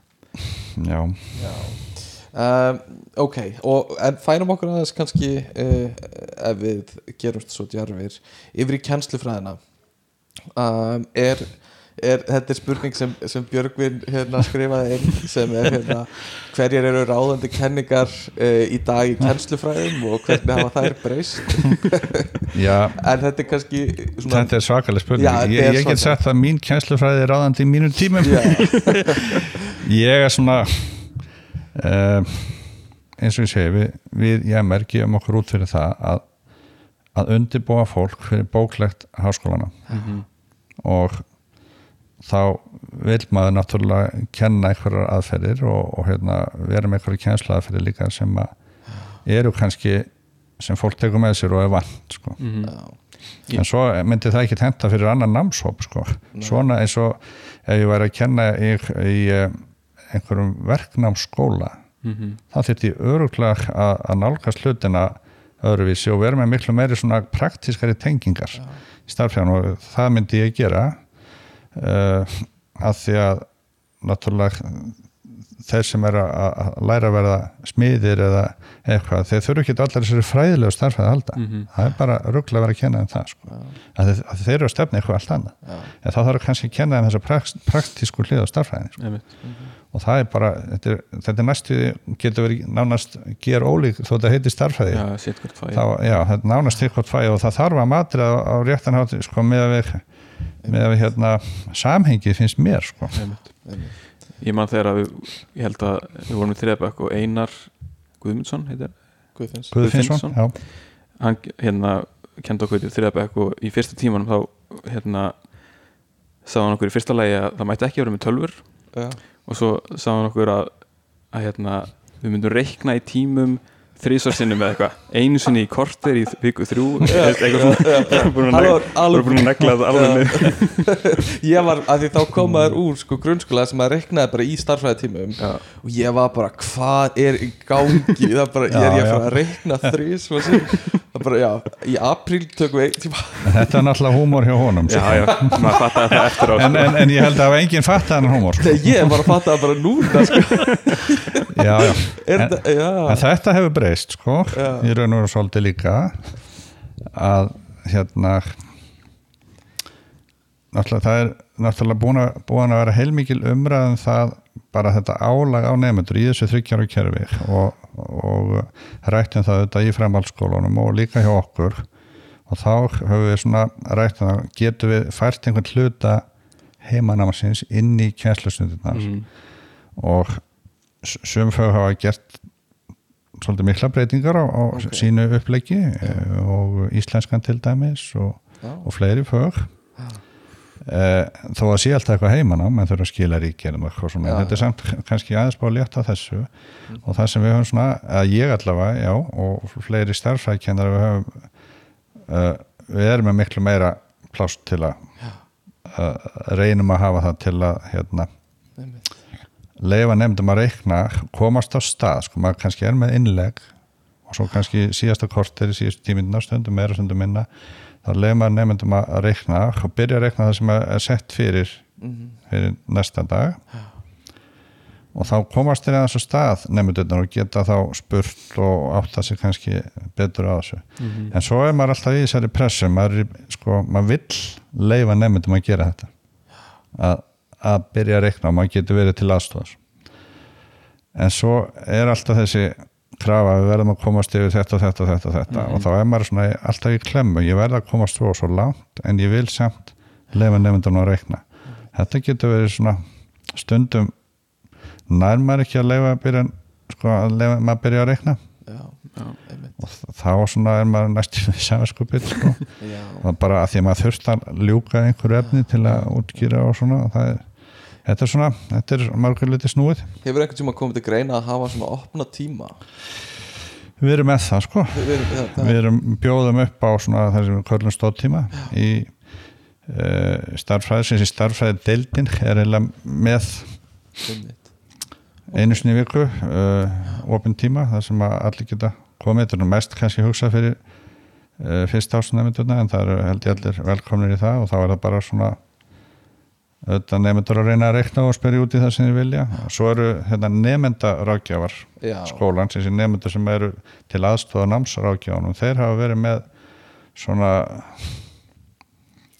opna tíma í, eða svona stuðning í ímsum greinum, ekki bara í starffræði það er í efnafræði, eðlisfræði og latínu og, og það sem að það er þá svona jafningi á fræðsla má segja sem mm Mhm. nefndur kannski á síðast ári eru Já. til, til leiðbenningur aðstofa fyrir eh, yngri nefndur sko í ymsum greinum. Og það, mér finnst það gott kerfi en, en mér finnst nefndur ekki nýta þetta kannski alltaf nógu vel. Það er til dæmis þessi stóðtíma sem að starfræði kennararnir voru með. Það var eitt fagstjórn þetta var með svona stóðtíma núna voru með sér feg, sko oft fengið utanakomandi eitthvað fyrirvændi nefnda til að vera með þetta en það náðist ekki vormessirinn allavega og þá var bara einn af annara fagstjórunum í starffæði mætti þarna og uh, það var stundu bara einn eða tveir eða þrýr sem komu sko. þetta er eitthvað sem þarf að læra læra að nota. Já, við, og að við þurfum kannski að sko, sem- sem skóliðar einhvern veginn að vera dögulega að benda á það þó við gerum það þá en það sem er hluti af vandan líka er bara hvað skóladagun er langur sko, að því að hann alltaf hefur lengst sko, frá því sem var þó við séum búin að skera niður og reyna, reyna að ge- gera þetta eins svona lífanlegt eins og hægt er að, þá, þeir mæta samt 8-10 og eru til sko kortir yfir þrjú eða eitthvað svona með einu hátegislega við svo góðu en maður skilur það að krak- krakkar orðin þreytir og það allar orðin þreytir er búin að vera í lág fullu frá 8 að mótni til 3 og jafnvel lengur fjögur á degi. Já, en maður fer ekki sko að fara kannski einhverja stóðtíma eftir það maður bara vil komast þeim og kvíla sig sko. en þetta er svona smá klemma. Já, en hérna já, einmitt, það er rosa margt sem ég langar að, spurja um og hérna uh, ég veit ekki hvað við náum að, að fara yfir mikið af þessu sem ég er með en, en uh, mér langar að tala um uh, þessar breytingar að því við vorum að tala um tækni og að nýta tæknina í kennslu og, og hérna eitthvað svo leiðis en þá var náttúrulega mikið breyting í COVID og, og já. hefur þurftur að díla við það eins og allir aðrir skólar já, já, við, við kendum í sko, ég get nú farið stökklóti það en ég, þú saði nú fyrir bara þáttinu þú vildir ekki tala um Já, ekki mikið en en mér veist alltaf að segja frá því hvernig það var sko. hérna, þetta skall á hérna, í mars 2020 og þá vissum við ekkert hvað við áttum að gera. Af því að sko, við vorum algjörlega óundibúin já, sem, sem skólastofnun. Og það má eiginlega segja það að við hefum bara verið að ná áttum og það var ekki sko fyrir ennum hausti þar á eftir sem var komin svona einhver áætlun sko. já, En þá byrjaði þannig um haustið 2020 að út af fjallega takmarkunum og fjölda þessi tækja metra á milli svona, þá gæt bara hálfu bekkum mætti í einu. Og þá mætti helmingurinn af bekknum annað hver dag og hinn helmingurinn hinn daginn. Ok. En sá helmingur sem var ekki mættur hann var eh, heima við tölvuna og ég var með fartölvu og myndavél sem var reynda, ég var ekki, sko söma fartölvuna voru með innbyrði myndavél, ég þurfti alltaf ekki mín sko, en ég þurfti alltaf að setja svona laus, klemma einhverja lausa myndavél á, þurfti að styr, byrja hver tíma, ég hlaup á milli bekkja, af því að bekkirnir eru í sínum heimastofum, kennarnir fara á milli, þetta hlaupa með fartölvunar og músina og bara allt eitthvað neginn og, og, og svo myndavélina og festi þetta allt upp í upphæfi tíma fyrir það sem voru heima. Og setja upp einhverja græju til að tali sko, svona í eirað og, og eitthvað hljóðnema og það var erfiðasta vesinni sko, og, og svo heyrðu sko hóparnir ekkert hvor í öðrum sko. heyrðu bara í mér. Og svo kom spurning úr stofunni og þá þurfti ég að muna alltaf eftir endurtakana fyrir það sem voru heima. Í hljóðneman minn. Einmitt. svo kom spurning allir inn í eira á mér og ég segi bara já, er þetta nú góð spurning? Og þá, og þá ha, sögðu þá nefndinni sem voru vist og þá þurfti ég muni þeir endur taka það. Þetta var, þetta var mjög surrealist í raun og veru. Og í raun og veru síðan var hert á, á reglum setna þarna um þetta haust um mitt missir eða maður rétt. Þá fórum við bara alfarið í það að kenna þá voru allir heima í tölvunni sko, við kendum í gegnum Teams og þá gæti ég bara farið í eina tiltekla eh, kennslustofu stilt upp græjunum fyrir daginn og þar kendi ég öllum mínum bekkjum samkvæmt stundaskra og þá komu þau bara og lokuðu sín og ég tekkaði hverju voru mætti bara í tölvunni og svo kendi ég á töflu svona eins og ég var vannur og, og, spurði svo nefnendur um svona eitthvað út úr eitthvað.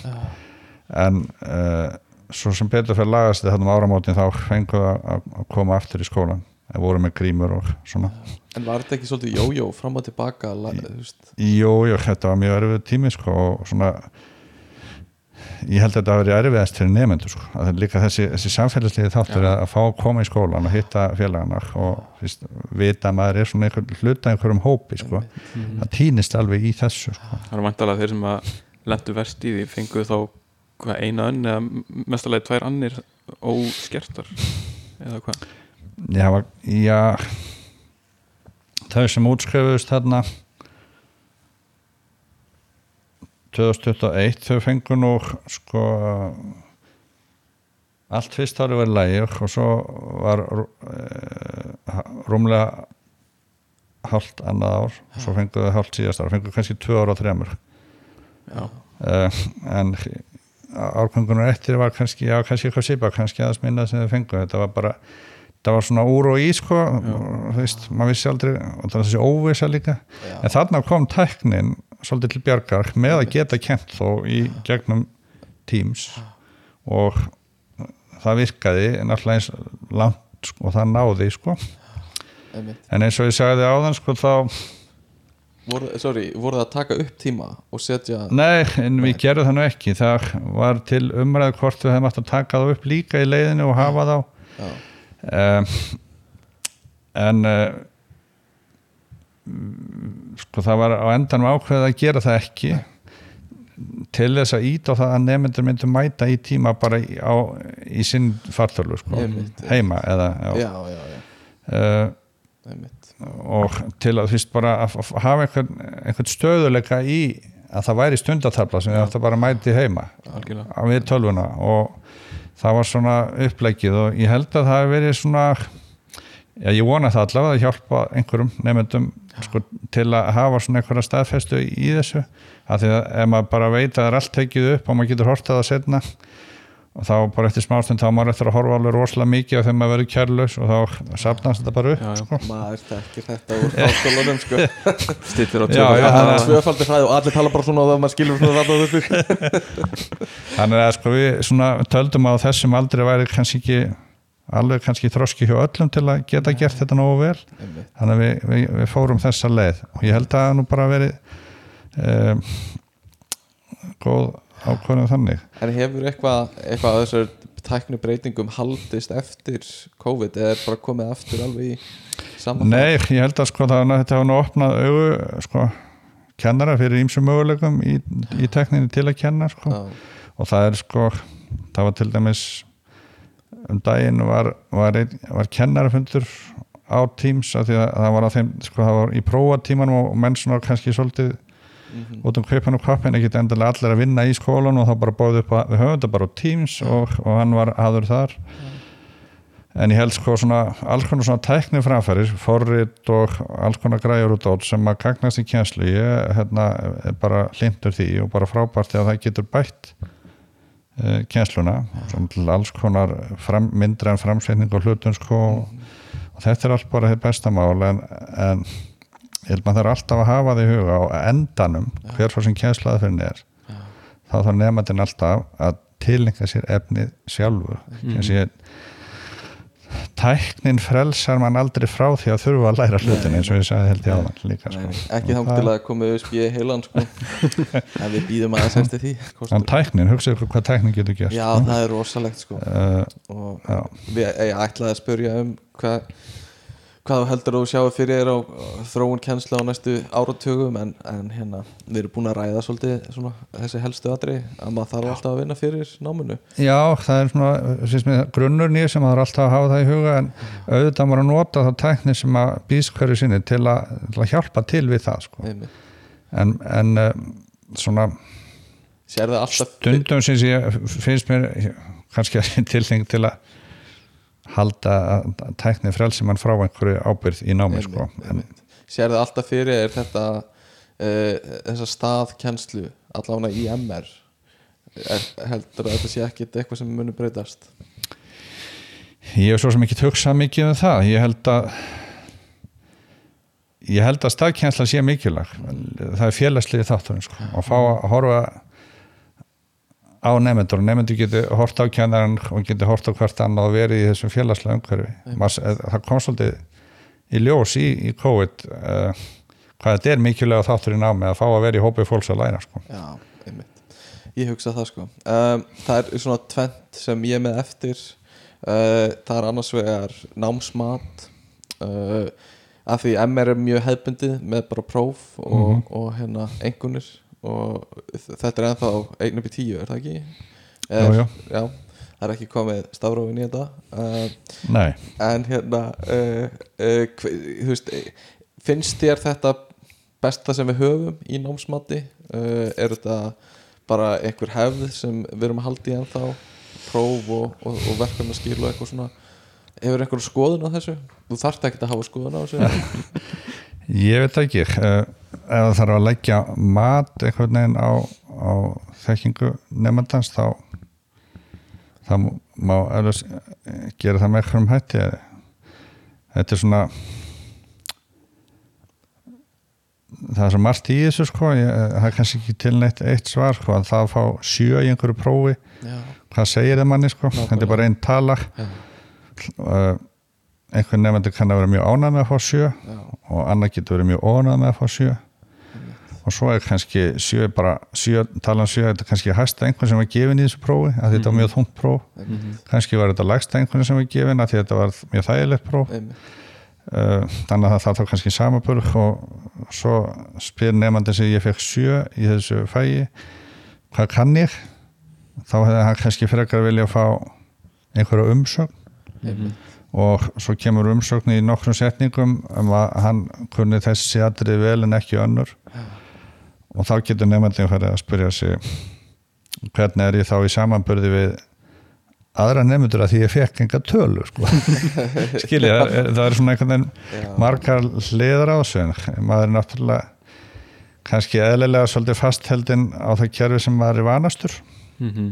já, uh, en um, ég finnst maður þarf þurfum samt alltaf að geta tekið þessu umræðu og velt því fyrir sér hvort það sé eitthvað annað sem getur komið í staðin eða uh, með Já. einhvern veginn til að uh, en ég, ég veit ekki hvort það er til neyn rétt aðfyrir til að segja þetta hvað hann kann Nei, þetta er erfið spurning sko og Já, já. stórt að því uh, próf segja er bara hvað veistu, eh, hvað ertu góður í nákvæmlega þessu prófi á nákvæmlega þessum tíma Já, og svo dagsformið og annað Já, sko. Ég algjörlega. hef stundum sagt sko að við erum með við erum með stór stúdenspróf og, og oft úr fleiri en einu ári og náttúrulega í starffræðinni og við erum með munlegt próf sem er náttúrulega prófa svolítið öðruvísi heldur Já. en skriflegt próf og nefndi þurfa svona vera vakandi við að undibúa sig með tilliti til þess að það er munlegt próf í starffræði sem loka prófið svo erum við líka með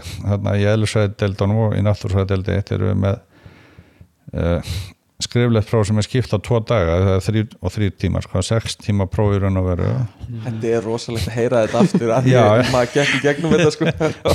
Og þetta er bara mikil prófurinn fyrir nefnendur og kannski það er ekki endilega það, sko, hvað dæ, að, að dæmin sé eitthvað endilega mjög þung.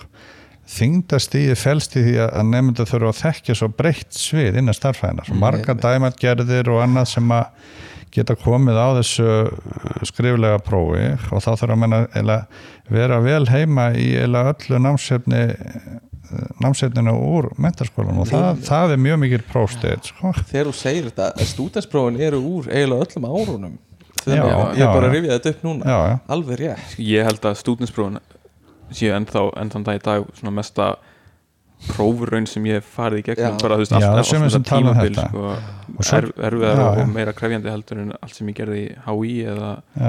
Imperial College í London er sem er bara- besti háskóli í heimi. já, en svo nefnilega hef, hefur auðvitað kemur það fyrir sko, fólki gengur með sér blæðið þessum prófum. Það kemur auðvitað fyrir að fólk fái kannski svolítið lægra í stú, þessu stúdensprófi þessu sex tíma stúdensprófi heldur en í námsengun en, en það vegur jafn þungt sko. á, á, á stúdenskiptin þá vegur námsengun sem er vinna einhver fyrir allan veturinn uh, jafn þungt og prófsengun og ég hef til dæmis eins og svo ég hefði gefið einhverjum nefnda 8,5 eða eitthvað í, í námsengun fyrir hans vinnu í veturinn og framistöð í, í svona skriflegum æfingum og verkefnum og öllu þessu og bara virkni í tímum. Svo fara kannski bara 6,5 eða eitthvað á stúdinsprófunu og nefndin er kannski eðlega svektur og gekk ekki alveg nógu vel með það sem að uh, hann kannski bjóstuði fyrirfram og þá segi ég horfðu frekar á námsenguna, hún segir miklu miklu meira en þig heldur en sko, framist að einu prófi. Snúnu prófi, þrí, þrý tímar og þrý tímar. Maður getur verið svo misjaflega fyrir kallaður sko. og það getur svo ýmislegt komið upp. Þannig að það að fá eina tölu svona fyrir eitt próf það er alls ekki öll sagan það segir held ég miklu sterkari sögu og meiri sögu vinnu einhvern, námseinhvern 8,5 eða 9 eða hvað nú er segir mann að nefndin búin að vera saminsku samar og staðið sér vel alla vetur það er aðal sagan sko. en, en, en ef það er aðalsagan er þá tilöfnum til þess að vægi hennar sé ennþá meira heldur en það getur verið sko, þetta, sko á fyrri árun þá gildir sko námseinkunni bara eitt þriði á móti jólaprófa og vorprófa því við erum með svona heilsáskerfi en á stúdensprófunu þá vegur námseinkun helming á móti prófseinkunni. Og er þá farin að hafa me- mest vægi. Hún me hefur mest vægi á stúdenskýstin akkurat um, og það finnst mér alveg fyllilega sangjast sko.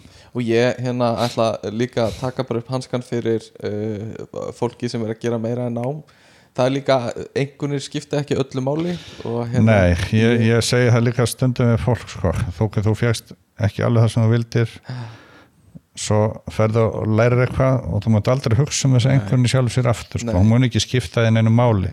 Mér hefði getið gengið betur á stúdinsprófum en ég er samt bara, mér gekk vel í háskóla uh, ég er, þú veist, með uh, því sem ég ætlaði að gera. já, já. og bara, þú veist, það hefur ekkert hindrað mig.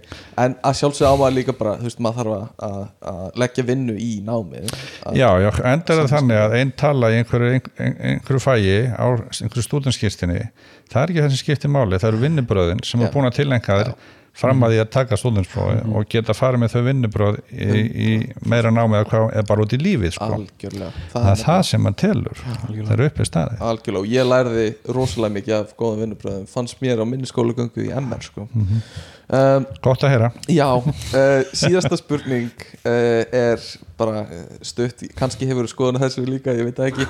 Uh, Það er oft talað um einhverjum verðbólgu og hérna á að hækka einhvern stýrivexti.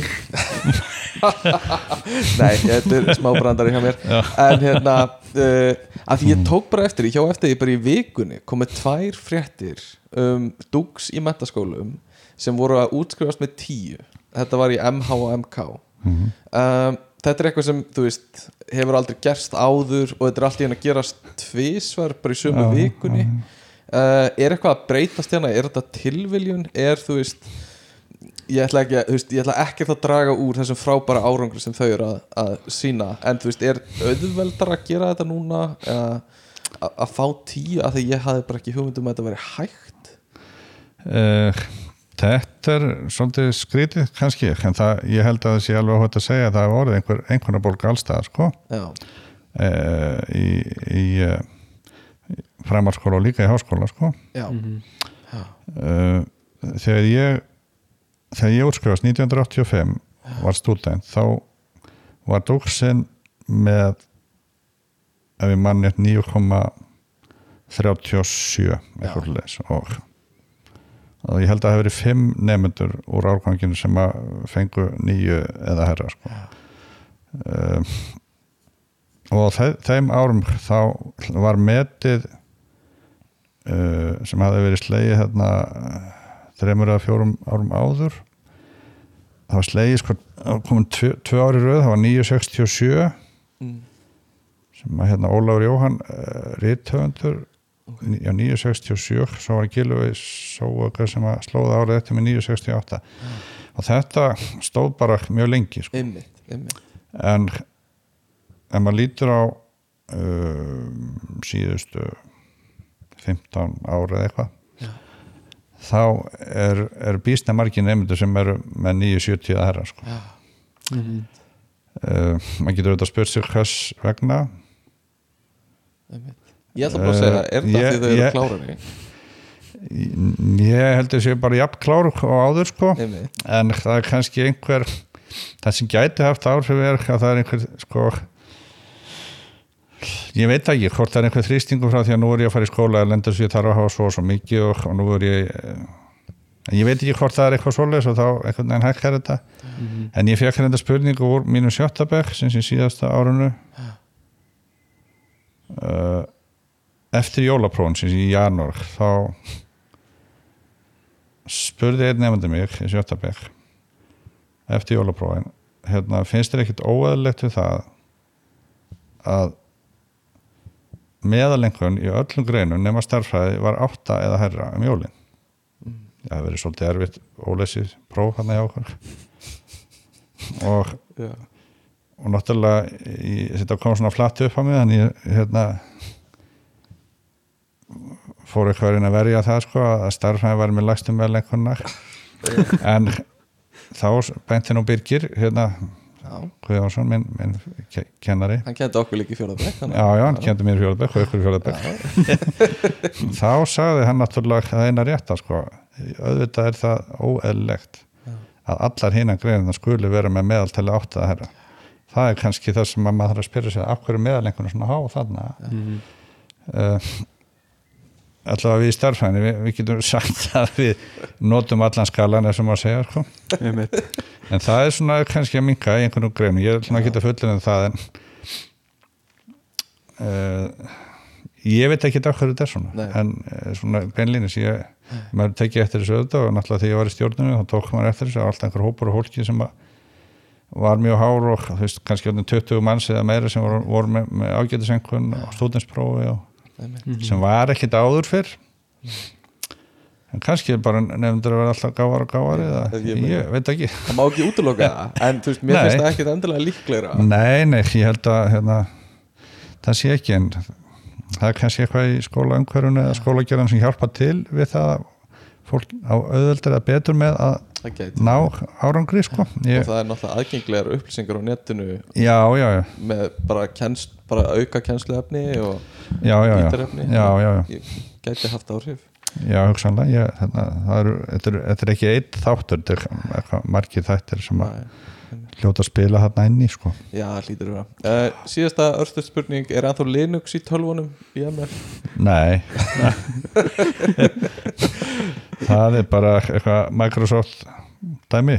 Uh, við hafa sett upp Linux sem, sem sagt uh, þegar við byrjuðum í 2011 Já, þetta var ákveðin tilun sem var gerð og þetta var mjög fyndið vegna þess að það var einhverjir nokkrir framhaldsskólar sko, sko ríkið hvatti framhaldsskólar til að taka upp Linux kerfið af því að var, í- var í hérna opin ókjöpis hugbúnar og, og, þessar, þessi fóröld sem fylgdu sko. Og það var einhver svona skóli sem að byrjaði þessu, ég mann ekki hvort það var eh, kannski verkmyndaskólinu eða eitthvað og var búin að kerja þetta eitt eða tvö ár. Og, þá, og þessu þetta gengið svona sæmilega. Svo við ákvæmum að prófa þetta fyrir kvartningu hérna, ráðnettisins og voru með þetta í nokkur ár. En það finna var sko að þið ofinbera gerði ekki neitt sko. Ef, ef að allt til ofnbæra hefði tekið upp Linux þá hefði við samskiptin með allra ofnbæra stofna verið miklu auðveldari. Já en, en, en þeir þorðu því ekki að gera það ekki, þeir voru bara að reyna að sko, já. hérna, svona, tækið þið þetta upp til að spara fyrir ríkið eða eitthvað svona. En var, var þetta þá líka hérna, skólastjórnir og uh, skrifstofan, þau tóku þetta líka? Þetta var alfar eina skólans sko. Já, en þetta allir náttúrulega smá samskipta erfileikum við ef maður þurfti að senda eitthvað gögn til annari sem voru með Microsoft sko. En þá í öðrum skólum eitthvað svona þá gæti það valdið vandra en þá væri til einhver tólkunar búnaðar á milli en þetta gekk svona innleðslan gekk bara sæmilega og svo gekk þetta alveg sæmilega nokkur ár. En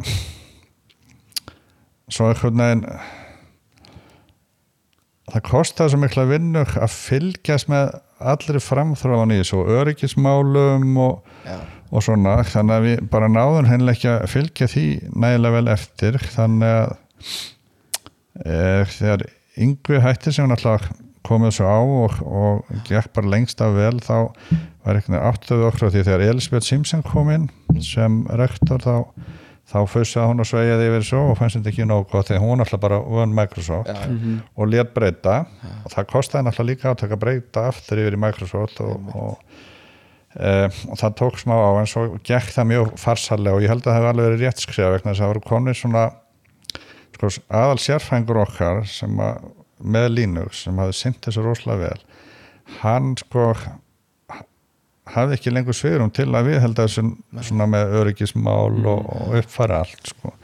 þannig að var bara kannski í raun og orði vel tímabært að breyta yfir í hitt aftur sko og við gerðum það. Það Ég hefur man- verið síðan síðan já, veturinn 2017 átján sko, sem að ég var skipt út og Microsoft kom aftur inn ég man að það trublaði mig aldrei eitthvað. Nei, nei, mér mér varst að ganga bara vel þannig, það búið að undirbúta vel.